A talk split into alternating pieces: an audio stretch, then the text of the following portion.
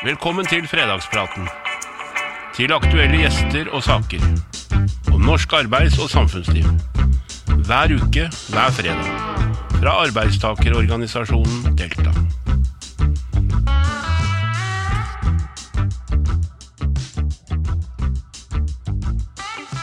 Hei og velkommen til ny fredagsprat. For den observere seer så ser dere at konseptet er litt annerledes. I digitaliseringens ånd så fornyer vi oss også i Delta og fredagspraten. Fordi denne gangen er i tillegg til denne sendingen, så er også denne fredagspraten en del av vår nye podkastsatsing. Så det er nytt på mange måter, og derfor er det spesielt hyggelig å ha den kule og relativt ferske kultur- og likestillingsminister eh, Anette Trettebergstuen eh, som eh, den første gjesten i Fredagspraten. Hjertelig velkommen, Anette. Tusen takk, det var da litt av en introduksjon å få på en fredag, da. Men jeg tenker liksom at uh, denne regjeringa trenger jo litt uh, muntre oppbackinger. Det er jo nok krevende dager, så her skal vi bare ha en hyggelig samtale. Da. Ja, takk for at jeg får komme. Velkommen til Trond Ellefsen også, i ny setting. Tusen takk, Roger. Nå føler jeg meg virkelig som en podkastkonge, jeg også. Det er jo slik at uh, Neil Young gikk uh, ut av Spotify, og Fredagspraten går inn i Spotify. Så da er vi på en måte balanse der òg. Ja, så nå har vi balanse. Så nå er vi klare for en, uh, for en prat. Anette Trettebergstuen, du har nå vært kultur- og likestillingsminister i litt over 100 dager. Ja. Det har vært imponerende store utfordringer for dere på både den ene og den andre måten. Hvordan er det å være kulturminister i dag? Altså, det er jo verdens beste og viktigste jobb, mener jo jeg, da. Og du har rett i det, Knut Roger, at da vi gikk på, og gikk ut på Slottsplassen i oktober, så var det jo ingen av oss som uh, trodde at vi skulle få omikronkrise og ny runde med koronatiltak, eller at uh, strømprisene kom til å eksplodere. Så mye av denne høsten uh, og vinteren har jo hittil handla mye om krise, da. Um, så kan du jo si at det er jo ekstra viktig å være kulturminister gjennom krise, syns jeg. At det er altså, givende på den måten at det er jo da man virkelig ser at politikken teller. Det har noe å si hvem som styrer, hva man gjør for å få de ulike sektorene gjennom krisa, da. Så det er klart at uh, de første hundre dagene mine har handla veldig mye om uh, krisetiltak og hjelp for kulturlivet, som er nok en gang hardt ramma. og som i to år har, har vært den bransjen som kanskje har merka koronakrisa mest. Det var jo kulturfolk som måtte gå hjem for å jobbe på kort varsel i mars 2020. Mange av dem er de siste som kommer til å komme tilbake i full drift igjen. Så det at vi fikk omikron-varianten nå, det, det, var en ekstra knekk for en hardt prega bransje. Så mye av jobben min har jo handla om det, ja. Mm. Men disse 100 dagene, Anette, så har du jo ikke hatt ro et sekund. Det ser du jo fra media. Og det ene er jo at det er mye krisehåndtering. Eh, tiltak som iverksettes. Folk må gå hjem. Så kommer det pakke på pakke på pakke. Hva er det som på en måte driver deg i denne I tillegg så har du hatt korona på linje med i hvert fall meg også ja, sjøl. Og mange andre. Ja, mange andre. Hva, hva driver deg i en sånn situasjon? Det er jo den muligheten til å gjøre en forskjell. Um, det er jo drivkraften i politikken hele tida. Enten jeg har vært uh, fylkeslagsleder i AUF eller stortingsrepresentant og, og, nå som statsråd. Det å få lov til å stå opp om morgenen og, og dra til den jobben uh, og, og, vite at du har den muligheten en kort, kort tid. Fordi at vi som er statsråd, vi skal være tidligere statsråd mye lenger enn vi skal være statsråder. Ingen vet hvor lenge det her varer, uh, men det er et tillitsverv du har til låns i en kort periode. og jeg er jo gira på å få gjort mest mulig. Og vi har så mange planer og så mye å gjøre. Så det er det som driver meg. Jeg gleder meg til å gå på jobb hver morgen. Og også og, og viktig eh, gjennom krisa, og at vi ser at man har faktisk en mulighet til å gjøre en forskjell, gjøre ting litt bedre. Eh, så jeg bruker tida mi på å ha kontakt med kultursektoren eh, døgnet rundt for å vite hvor skoen trykker, og hva vi kan gjøre for å hjelpe dem gjennom. Og nå var det jo heldigvis slik at vi kunne lette litt på tiltak denne uka her, da. Og det hjelper jo mye nå. Så får vi håpe at uh, meteren ryker om to uker, og at vi er ferdig med den omgangen her. Eh, Trond Ellefsen, Delta organiserer jo mange av de kulturarbeiderne som eh, Anette Trettebergstuen og departementet styrer og har kontroll med. Hvordan reflekterer du og Delta og dine medlemmer innenfor kultursektoren på det situasjonen vi er oppe i nå? Ja, Vi har jo eh, blant mange yrkesorganisasjoner så har vi en som heter Kulturforbundet, som er for de som jobber i kultur og bibliotek og, og slike ting. Og Jeg har hatt samtale med lederen der nå før denne sendinga, og, og han eh, kunne fortelle meg akkurat som Anette sier, det var de første som gikk ut, og de, kanskje de siste som kommer inn igjen. Og Det er mange frilansere der, det er selvstendig næringsdrivende, de har enkeltmannsforetak, det er sånn løsere tilknytning til arbeidslivet på mange måter, mange av disse kulturarbeiderne. Og eh, han eh, nevnte det, dere har jo gitt pakker på pakker på pakker, stimuleringsordninger og sånne ting. De sier at stimuleringsordninga for kultur er sterkt underfinansiert. Eh, han fortalte meg at det er søknader for 595 millioner, med ramme på 300 millioner, så det er på en måte veldig harde kår da for våre medlemmer som jobber innenfor kultur. Og kultur er jo folkehelse, eller folkemedisin, jeg kaller det hva du vil. da. Kulturen er ekstremt viktig for folk. Det har vi sett virkelig disse ja, snart to åra vi holdt på nå da med pandemi hvor viktig kulturen er, og hvor tomt det blir når den forsvinner. Mm. Ja, hvordan kommenterer du akkurat den uh, refleksjonen? Ja, det, er helt, det, er jo helt, riktig, det. Og, det er jo når kulturen blir borte, eller stengt ned, og ikke får lov til å drive og samle folk, så merker jo vi alle sammen, tror jeg, enten vi har brukt kulturlivet mye eller lite, hvor, hvor tomt og fattig det blir når, når det plutselig ikke skjer noe.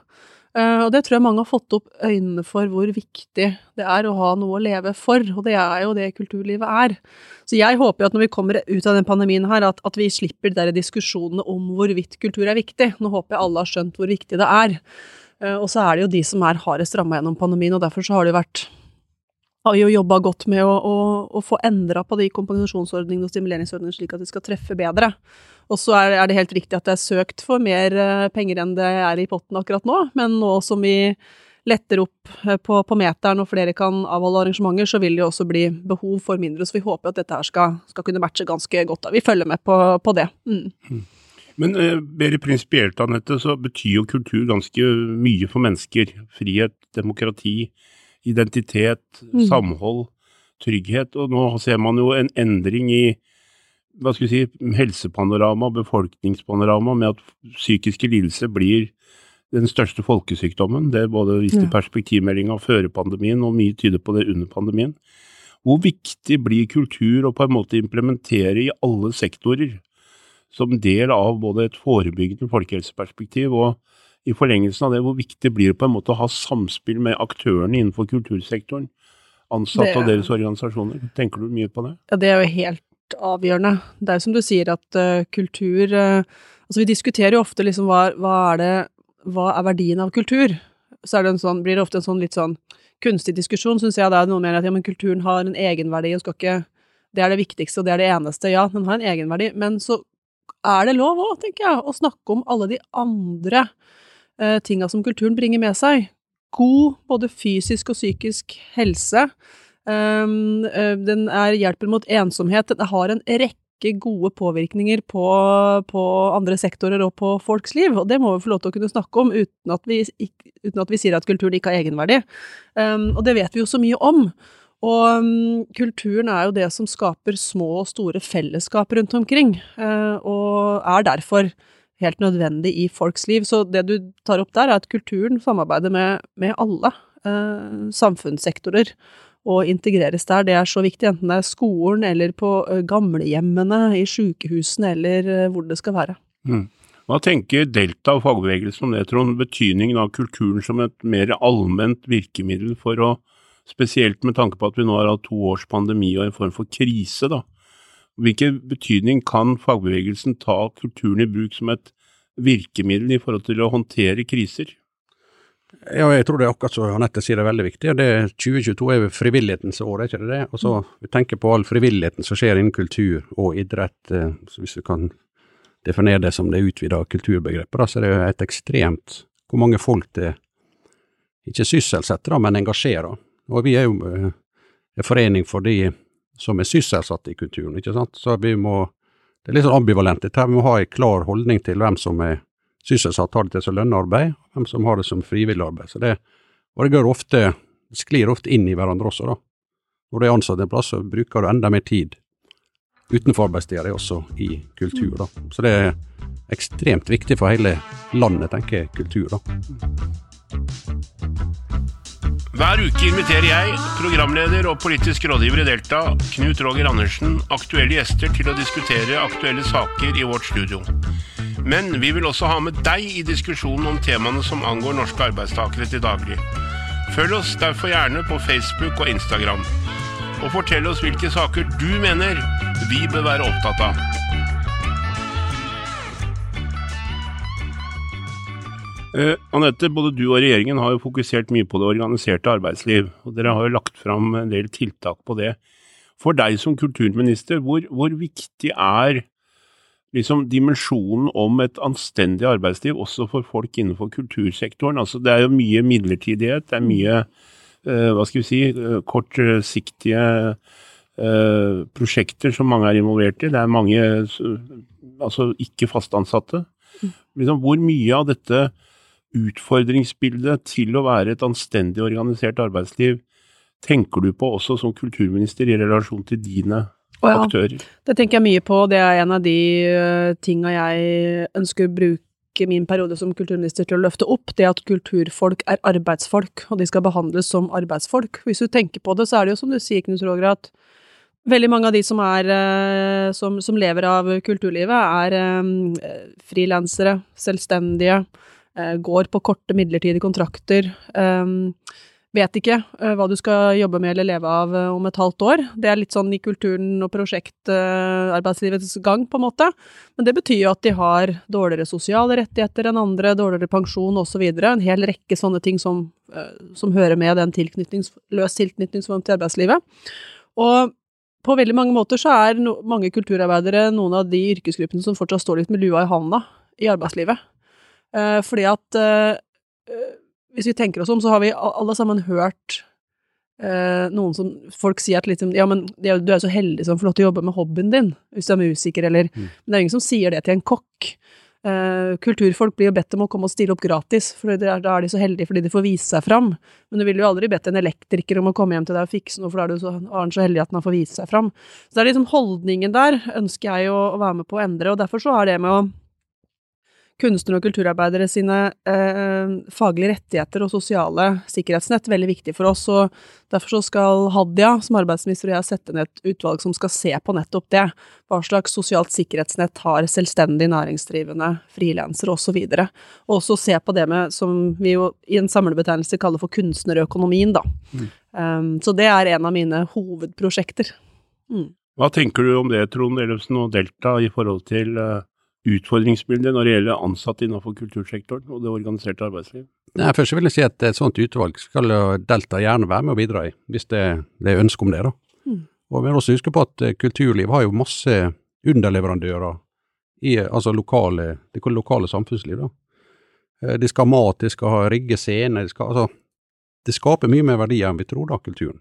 Så på en måte det har vært litt sånn stemoderlig behandla Eh, som Anette også sier, at eh, du skal bare være glad for at du kan holde på med hobbyene, men det er jo ikke slik det er. Er kjemper om eh, arbeid, ledig arbeid om kontrakter hele tida. Så det er litt utfordrende også for en fagforening å gi et fullgodt tilbud til folk som har en løsere tilknytning til arbeidslivet, selv om de som kanskje trenger det mest.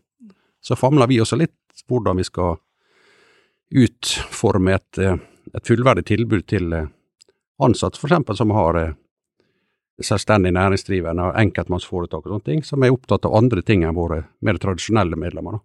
Men vi jobber veldig mye med å få til et godt tilbud. Da. Mm. Og det er veldig viktig, for jeg tror også at det er jo også en sektor som tradisjonelt sett ikke har vært særlig organisert. Um, men som i stadig større grad, og jeg tror også pandemien har vist oss alle sammen, og også den sektoren, hvor sårbar man er man står alene.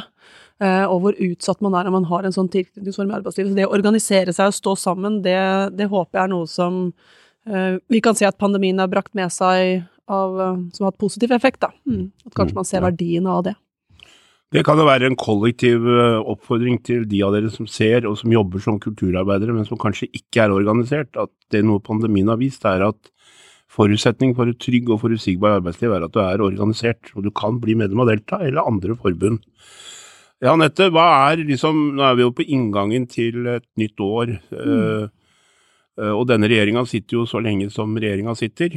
Uh, og det skal ikke vi ta stilling til, men hva er liksom din plan for uh, nå dette året? Hva er liksom ambisjonene for Kulturløftet og sektoren, Mm. og du er jo en engasjert og veldig sånn offensiv, morsom, tilstedeværende statsråd, så jeg tenker at du har mange tanker, men eh, har lyst til å dele Ja, det blir et veldig viktig og spennende år. Eh, forhåpentligvis så skal vi er vi ferdig med omikron-varianten. Eh, Kan regjeringa bare bestemme ja, at nå er vi Nå er vi ferdig med det? vet at den er ferdig. Ja. Åpne igjen kulturlivet, eh, få hjula i gang igjen. Og det er jo, dette er jo også viktig fordi jeg er opptatt av eh, ståa for kulturlivet på veien ut av pandemien. Fordi at sjøl om vi nå åpner igjen, og kanskje metaen forsvinner om to uker, så kommer kulturlivet til å merke ettervirkningene av koronakrisa lenge. Derfor har jeg satt i gang eh, Kulturrådet og Norsk Filminstitutt med oss. De driver og kartlegger hva konsekvensen har vært for kultursektoren, og så skal de komme med forslag til hva vi kan gjøre for å bøte på det. Derfor blir jo neste statsbudsjettet blir viktig. Um, og jeg er opptatt av å, å, å fortsatt eh, si til kulturlivet at vi, vi vet det, at det tar tid før jula er i gang igjen. Eh, Sjøl om vi vet det er åpning, så, så tar det tid, og det skal være med, være med dem gjennom den kneika. Så er det jo, som du sa, frivillighetens år. Vi skal feire og takke frivilligheten i et helt år. Eh, alt det frivilligheten bidrar med av små og store fellesskap, og stå på for andre igjen over, i by og bygd over hele landet, det er, det er verdt et helt års feiring. Men vi skal også gjøre noe annet viktig det året. Vi skal eh, synliggjøre alle de mulighetene som frivilligheten gir. Og, og få folk som kanskje ikke tror at frivillig arbeid er noe for dem, til å kanskje tenke at det kan det være. Synliggjøre at alle kan bidra med noe. Så det blir et frivillighetens år. Og så er jeg opptatt av å fortsette å bygge kulturen over hele landet.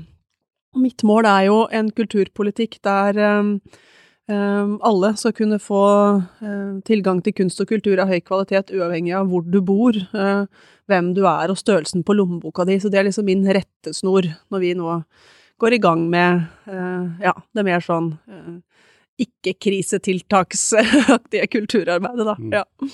Men Anette, du er jo også idrettsminister, Mm. og nå begynner jo OL i dag uh, i Kina. Og da plutselig skal folk slutte å sitte på hjemmekontor, sier dere i regjeringa, og så er det liksom på jobben igjen. ja. Er dette her et uttrykk for at regjeringa er kritisk til at folk ser OL, eller? Nei, men jeg tror nok det var noen, en del som satt hjemme og tenkte søren klype, det passer litt dårlig med å gå tilbake på det kontoret nå. Nei da, jeg tipper at folk eh, det får se OL både på jobb og i pauser og, og hjemme. Det er jo utfordrende sånn tidsmessig at det går fra Beijing for oss nordmenn her oppe i nord. Um, men, eh, men det blir eh, artig og viktig, og vi håper jo at Norge kommer til å hevde seg der, til tross for mange skjær i sjøen med både, etter det jeg har hørt, dårlige snøforhold, men også denne koronaen, da, som også truer der borte i Beijing. Så jeg syns virkelig synd på de utøverne som kanskje, kanskje mister hele OL fordi de blir koronasmitta, eller ja, de havner i karantene. Det er eh, oppladning til noe sånt. Det, er, det tar mange år i et idrettsliv, og så plutselig er det for sent. Så ja, det blir et utfordrende OL. Jeg skal Men til Paralympics. Du skal til, fordi I en normal situasjon så vil ikke du sitte her, men i Beijing i dag, denne fredagen. Ja, nå er- åpner jo hoved-OL nå, da, og så er Paralympics om, um, om en måneds tid. Ja. Og jeg har prioritert Paralympics fordi at jeg er opptatt av at idretten skal være for alle, og det har faktisk ikke vært noen norsk kulturminister på eh, Paralympics tidligere, og det syns jeg er synd, så jeg ønsker å dra ned og heie på dem. Det er veldig bra. Ja, Trond, 90 000 deltamedlemmer skal følge OL. Ja, det skal de sikkert på eh, Jeg tror ikke det følger direkte alle sammen midt på natta, men eh, kommer jeg sikkert til å følge det. Men jeg tror kanskje at det jeg skal si OL har utspilt sin rolle, men det har blitt eh, noe annet enn det var hvis vi skal tilbake til 1994, da. Nå er det på en måte bare stor, det største nasjonen som klarer å avholde et OL, og tenker på hvor dyrt det er blitt. Vi tenker på menneskerettigheter og sånne ting som vi ikke skal dra opp her, kanskje, da, men vi tenker VM i fotball i Qatar, altså OL i Kina, Russland. Altså, jeg får litt sånn dårlige vibber, i hvert fall jeg, da. Når det, det, Mm. og det er avholdes en ørken hvor det aldri snør. Altså, alt er kunstig i OL som kommer nå. Mens Lillehammer hadde vi til og med bikkja i bakken og reven i løypa, så det var litt, litt laget til NRK. Så hadde vi i hvert fall reven i løypa Lillehammer. Og det var kaldt, og det var snø. Jeg var der sjøl, så jeg husker godt. Det var 22 minus. Det var det. Det var jo både i Hedmark og Oppland, hvor Mm. eh, Anette er fra. Jeg Husker det veldig godt. Vi fikk fri fra skolen, og det var eh, ja, Jeg husker det som det var 30 Jeg sier at det var 30 kuldegrader, men kanskje det var 22. Men ja, mormor hadde strikka OL-genser, og vi eh, var og så på øvelser, så det var helt fantastisk. Det var idrettsglede og, og sunn og god idrett. Og klart, jeg er også bekymra for det samme for deg, som deg, at idretten er så pengestyrt, og det er så dyrt at um, ja. Um, Det er veldig trist at det er blitt sånn at Ja. OL mer og mer framstår som sånn korrupt eh, system mange Ja. steder. Og Og enda mer tristere er jo at tidligere OL-utøvere som var folkehelter nå ikke engang har råd å bo i Norge og flytte Ja. til Sveits. Så Ja. jeg mener liksom at det er, det er en annen tid. Ja. Men det er en annen gang. det er en annen gang. Kulturminister Anette Trettebergstuen, det er fredag. Hva Ja. gjør eh, kulturministeren i helga? Du, i kveld skal jeg spise middag med en kompis, og i morgen skal jeg til Agder og Telemark og besøke fire partimøter, prate med dem. Og så på søndag skal jeg til Bergen en tur, Ja. og møte parti der.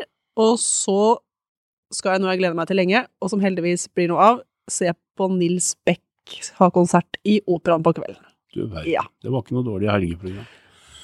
Trond Ellefsen, Ålesunds store sønn. Jeg skal selvfølgelig til Ålesund Ja. etterpå. Og, eh, Det må du vite, Anette, at hver fredag så kan du bare se at han drar hjem til Norges vakreste by. ja, men Ja, det, det er jo, skjønner jeg. det er objektivt, det, så det, det er veldig greit. da. Nei, jeg tror jeg skal finne meg et kulturarrangement når man nå endelig kan begynne å bruke kultur. Skal jeg finne Ja. meg et godt kulturarrangement i Ålesund. Gjør det alle sammen som ser på. Mm, Ja. Veldig bra. Anette Trettebergstuen, tusen hjertelig takk for at du tok deg tid til å komme til fredagspraten i en veldig hektisk eh, periode. Takk for at jeg fikk lov. Ønsker deg lykke til, og vi skal ha kontakt med deg både som minister og med regjeringen fra Deltas side. Takk, Trond, for at du stilte opp igjen. Og til deg som ser og hører på, hjertelig tusen takk for at du tok deg tid. Vi er tilbake neste fredag. Da kommer vi til å fortsette konseptet litt annerledes, med mer fordypninger i noen temaer. Og neste fredag skal vi lære mer om administrasjon og ledelse, og de som jobber innenfor det i Delta. Men inntil da, takk for at du hørte på, takk for at du så på. Riktig god helg, og ta vare på deg sjøl. Ha det bra. Takk for at du lyttet til Fredagspraten. Hvis du har lyst til å vite mer om Delta, så kan du besøke vår hjemmeside www.delta.no, eller også finne oss på sosiale medier. Du finner lenken i episodebeskrivelsen. God fredag og god helg.